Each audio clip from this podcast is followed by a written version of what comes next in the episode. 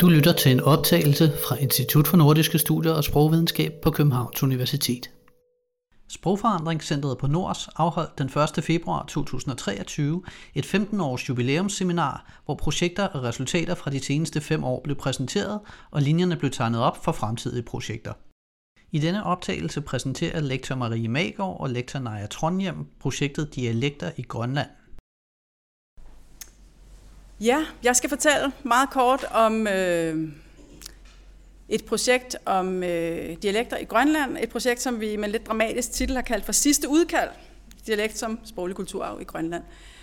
Og det er jo fordi, at når man ansøger om penge, skal man jo også prøve at forklare, hvorfor er det, det er så vigtigt at gøre lige nu. Og det er jo selvfølgelig handler om standardisering og alt sådan nogle ting, som selvfølgelig også foregår i Grønland, ligesom de foregår alle mulige andre steder. Og det er også derfor, vi har sat et billede på her af en af de nyere, eller nyeste bydele fra Nuuk, øh, netop, som netop viser den her urbanisering. Nuuk vokser og vokser, og folk flytter fra øh, øh, andre distrikter i øh, Grønland til, øh, til byerne. Og det har selvfølgelig også sproglige konsekvenser. Og det her det er altså et oplæg, som øh, jeg holder, men som vi egentlig er to, øh, eller kunne have været, burde have været to om at holde, og derfor har jeg lige taget Naja med her på billedet fra i sommer, hvor vi var i et andet arktisk område, nemlig op i Nordnorge på konference sammen med flere andre herfra også i Alta. Øhm, til stede ellers fra projektgruppen har vi måske Marie Udvang stadig. Er du til stede? Øh, ja, sidder heroppe. Som den eneste ellers. Ellers øh, er de andre enten... Øh, sidder de normalt i, i Grønland på Universitetet i Grønland, eller også så øhm, er de egentlig fra Københavns Universitet, men er på feltarbejde i Grønland. Det gælder for to af dem. Så baggrunden for projektet, det er for det første, at vi har en mangel på viden om grønlandske dialekter, og så er det også den her stærke sproglige standardisering, der foregår i Grønland i øjeblikket, og som er foregået gennem øh, mange år efterhånden. Og det kommer jeg lidt ind på. Sprogsituationen i Grønland er øh, stærkt påvirket af både kolonihistorien og af forholdet til Danmark. Siden selvstyreloven fra 2009, så er det kun grønlandsk, der er officielt sprog i Grønland, men dansk fylder stadig ekstremt meget. Altså jeg kommer med sådan lidt en baggrund for hele det her projekt, øh, fordi jeg regner med, at mange af jer måske kender så meget til den grønlandske situation i forvejen. Øh, så lige nu er det kun, øh, altså siden 2009 er det kun grønlandsk, der er det officielle sprog i Grønland, men dansk det fylder stadig ekstremt meget. Øh, og det er inden for mange områder faktisk svært at øh, opnå uddannelse og karriere i Grønland uden stærke kompetencer i dansk. Og det fører naturligvis til sprogdebatter, som øh, phd studerende Camilla Kleman Andersen, som også er en del af projektet, har beskrevet forskellige steder, og det fører også til et øget fokus på, hvordan man kan styrke grønlandsk sprog i samfundet. Og den her kobling mellem sprog og nation medfører altså et behov for et stærkt grønlandsk nationalt sprog, og det fører altså til en meget stærk standardiseringsproces, hvor central vestgrønlandsk bliver set som standardsproget, mens andre dialekter og sprog bliver nedvurderet. Og det fører altså i sidste ende til, at dialekterne øh, forsvinder mere og mere. Så den proces, der foregår her, den er jo i høj grad ideologisk baseret, og den er jo velkendt fra mange andre steder. Vi kender godt det her mønster fra alle mulige andre steder i verden. Øh, Irvine og Gall inddeler for eksempel i tre ideologiske processer, som også er på færre her. Øh, der er ikonisering og erasure eller udviskning og fraktal rekursivitet. Der er tale om ikonisering, når man taler om, at den rigtige grønlænder taler grønlandsk, for eksempel, altså at sproget peger direkte på personen. Der er tale om erasure eller udviskning, når man udvisker den interne variation i grønlandsk, altså at andre dialekter eller sprog nedtones, eller måske ligefrem fjernes helt ideologisk. Og endelig så er der tale om fraktal rekursivitet, kan vi sige, når man overfører ideologiske opfattelser fra et domæne til et andet. Altså for eksempel, at de, der taler vestgrønlandsk, øh, er på et højere civilisatorisk niveau end andre grønlændere, og dermed så ser man også sproget som mere værd, renere og bedre, eller at opfattelsen af østgrønlandere, øh, som for eksempel øh, usiviliseret og vilde, og bliver overført til sproget, som dermed også bliver anset som noget primitivt og måske grimt. Så den her overførsel fra noget, man opfatter personer som, bliver så øh, noget, man opfatter sproget som. Og samtidig så kan vi også sige, at bare det at kategorisere sproglige varieteter som enten sprog eller dialekter, eller det at gøre en varietet til standardsprog, legitimerer grænser mellem befolkningsgrupper og konstruerer magtforhold mellem dem, som Catherine Woolard hun også siger her. Camilla øh, Kleman Andersen hun viser for eksempel, hvordan dialektbrug det ikke bliver tolereret i KNR, altså Grønlands Radio og TV, hvor der er en meget striks øh, sprogpolitik, som tilsiger brug af centralvestgrønlandsk. og hvor brugen af dialekt samtidig øh, også bliver gjort grin med eller latterliggjort af øh, mange almindelige mennesker i Grønland. Så der er et klart hierarki mellem standardsprog og dialekt i Grønland. Og øh, det har selvfølgelig stor betydning for det, der sker med dialekterne. Og nu går vi lige et skridt tilbage og prøver at se på dialekter i Grønland i dag. Hvad vi ved om dialekt i Grønland. Der er selvfølgelig allerede lavet noget forskning i variation i grønlandsk, men den er ikke øh, så systematisk, altså der er lavet en masse øh, forskning, men den er jo ikke systematisk og direkte sammenlignelig fra de forskellige steder. Øh, og der er stadig en masse, øh, hvad vi kan kalde for øh, blinde pletter, eller øh, ting, vi faktisk ikke ved så meget om. Men vi kan sige, at Grønlands tilhører det, som vi kan kalde for den inuit-aløjtiske sprogstamme, og her kan I se øhm, forskellige sprog og dialekter i Grønland og i Kanada og i Alaska. I kan se, at Grønland som regel bliver inddelt i de her tre dialektfamilier, nordgrønlandsk, og det er det, der er markeret med brun på kortet. Vestgrønlandsk markeret med blåt, og østgrønlandsk markeret med gråt på kortet.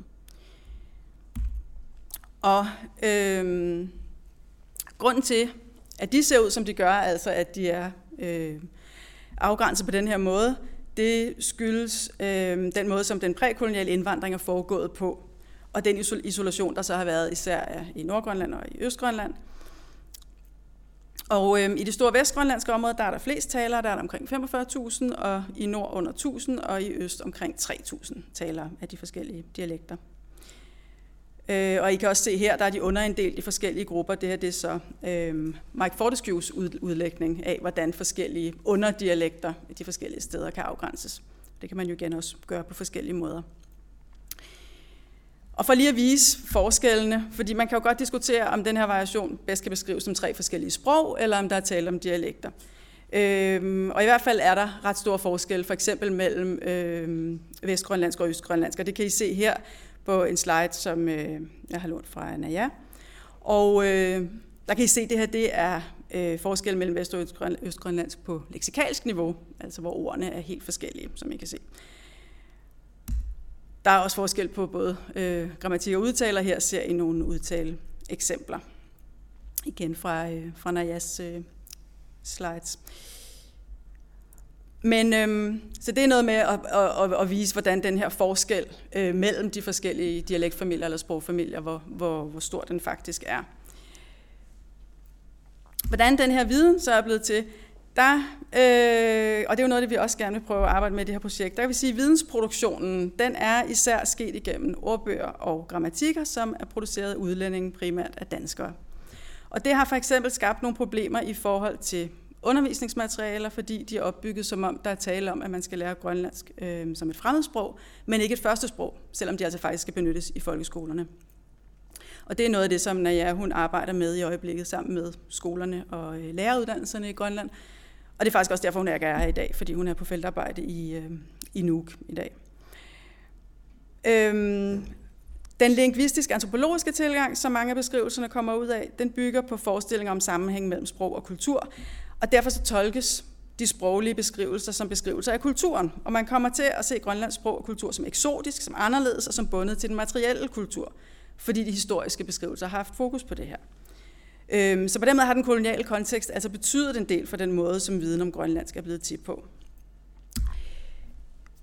Øh, det har også betydet øh, noget på andre måder, fordi der har også været et fokus på det eksotiske, øh, især den polysyntetiske struktur og for eksempel taburegler har der været øh, skrevet en del om. Og det øh, er jo ikke fordi, at vi vil sige, at øh, grønlandsk ikke er et polysyntetisk sprog, eller at øh, taburegler ikke har haft en betydning i østgrønlandsk.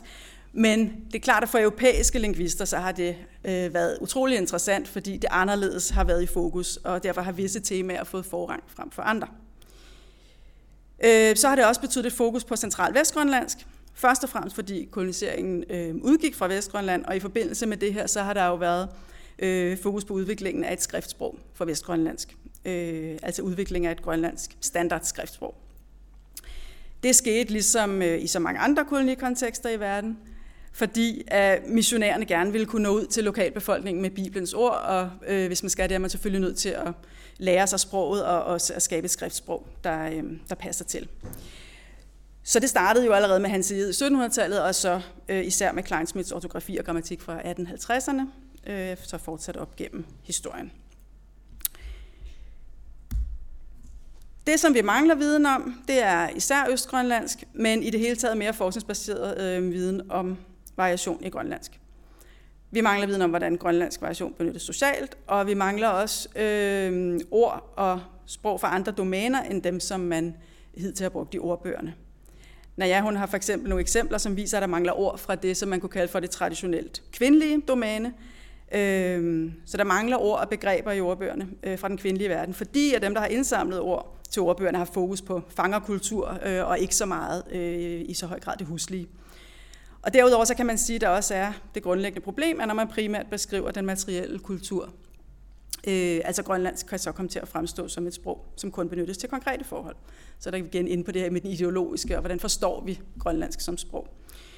Okay, så det var sådan baggrunden, og netop fordi vi ikke har rigtig nogen resultater nu, fordi vi er stadig i indsamlingen, så har jeg brugt lidt tid på at forklare om baggrunden for projektet. Men selve projektet, det øh, er jo så lige startet op her i sommer, og øh, det er et samarbejde mellem Københavns Universitet og Grønlands Universitet, og Grønlands Nationalmuseum og Danmarks Nationalmuseum. Og projektgruppen den øh, tæller indtil videre de mennesker, som I ser her, altså Naja og Marie, som sidder heroppe, Camilla Kleman Andersen, som sidder i Nuuk, og det gør de gør også, og Ordo Mørk sidder her på stedet på Nords, men er også på feltarbejde i ASEAT i øjeblikket. Så er der mig, og så har vi tre studenter med, øh, medhjælpere som indtil videre er tilknyttet øh, Grønlands Universitet. Vi skal også have nogen øh, her i, øh, på KU. Og øh, vi indsamler i de otte områder, som er markeret øh, her på kortet. Og det, som vi gerne vil, det er, det her det er fra projektbeskrivelsen, projektet har til formål at indsamle, analysere og formidle grønlandske dialekter igennem et tværfagligt samarbejde mellem Københavns Universitet, Grønlands Universitet, Grønlands Nationalmuseum og Danmarks Nationalmuseum. Og det vil resultere i et unikt digitaliseret korpus af systematisk indsamlet grønlandsk talesprog, med en geografisk, kønsmæssig og aldersmæssig bredde, som ikke findes i nogen andre samlinger. Vi vil lave lingvistiske beskrivelser af variationen i nutidige og traditionelle grønlandske dialekter, og vi vil formidle til lokalbefolkning og øvrige offentlighed gennem udstillinger og webbaseret kommunikation. Og det er noget af det, som museerne blandt andet også skal hjælpe os med. Og indsamlingen foregår altså i de her otte byer, eller det er de områder, vi øh, skal selvfølgelig også nå ud i de bygder, som hører til de byer her. Øhm, og alle steder, der inddrages øh, deltagere, som udvælges efter de traditionelle principper, baseret på alder, køn, opvækststed osv., øh, men vi prøver også at indsamle andre data med et øh, mere kritisk blik på netop kategorier baseret på alder, geografi og køn. Og vi ender altså med at få i alt omkring 96 kernedeltagere, plus øh, hvad vi ellers også får optaget, når nu vi alligevel er afsted. Og det her materiale skal jo så udskrives og gøres søgbart i Langcharts database, Øh, og det er jo også i sig selv, nu bliver det jo grønlandsk, så der skal også laves, gøres nogle andre ting ved det, end det, som vi normalt gør, øh, fordi det er jo en helt anden type sprog. Men det skal i en eller anden forstand også gøres øh, søgbart, og øh, vi vil lave variationistiske analyser, altså kvantitative analyser af det, og kvalitative, hvor vi både ser på sprogbrug, sproglige ideologier og livshistorie for eksempel, ting som det. Og vi vil i et vis øh, omfang øh, også prøve at se på skriftsprog i sociale medier, fordi netop for eksempel Østgrønland øh, er utrolig interessant med hensyn til det, fordi vi jo der har at gøre med noget, som er helt anderledes end det centrale vestgrønlandske, som jo er standardsproget. Øh, og hvordan skriver man så? Skriver man så på Østgrønlands for eksempel i sociale medier? Det kan jo sagtens være, at der er nogle normer som, øh, øh, for, hvordan man skriver på Østgrønland, som vi faktisk ikke kender noget til i øjeblikket. Så det er jo noget af det, vi også gerne vil prøve at se på. Hvad sker der der med skrift? Indtil videre så har vi startet på indsamlingen i Nuuk og i ASEAT. Øh, og i Nuuk der ser vi nogle forskellige sociale øh, forskelle, som gør, at vi øh, gerne vil have fokus på øh, den en ældre Nuuk-elite, øh, dem som var øh, dansk sproget, øh, eller tosproget, men som har påvirket meget af danificeringen op gennem øh, 60'erne og 70'erne øh, deres sprog og deres børns sprog vil vi meget gerne prøve at se på. Og det har altså betydet, at vi prøver at se på en, en vi laver en større indsamling i Nuuk og øh, inddeler i flere kategorier af talere. Øhm, vi håber altså, at det vil resultere i et systematisk korpus over Grønlands talsprog, ny viden om grønlandsk variation, både geografisk, socialt og generationsmæssigt, og også, at det her det kan være med til at give en styrkelse af dialekten som kulturarv i Grønland. Og det håber vi at gøre gennem øh, det her samarbejde, vi har med museerne. Og der er faktisk også flere museer end, end Nationalmuseerne, der er interesseret. Det er lokalmuseerne også. Øhm, og samarbejde med lokalbefolkningen og øh, med metoder, som, fra, som vi kender fra Citizen Science, og den her webbaserede kommunikation. Og øh, det er det, vi kunne nå at sige i dag. Så tak for det.